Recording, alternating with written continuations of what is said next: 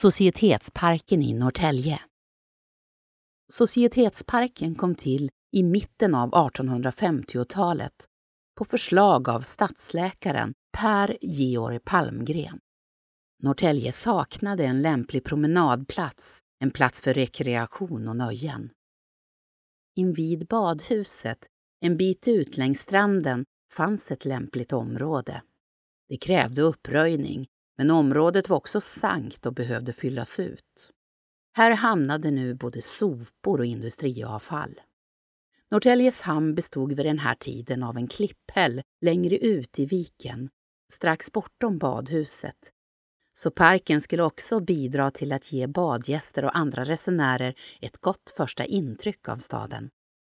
I den del av parken som låg närmast staden, där du nu står, byggdes ett societetshus med matsal, rök, spel och tidningsrum samt biljard, festsal och stor veranda.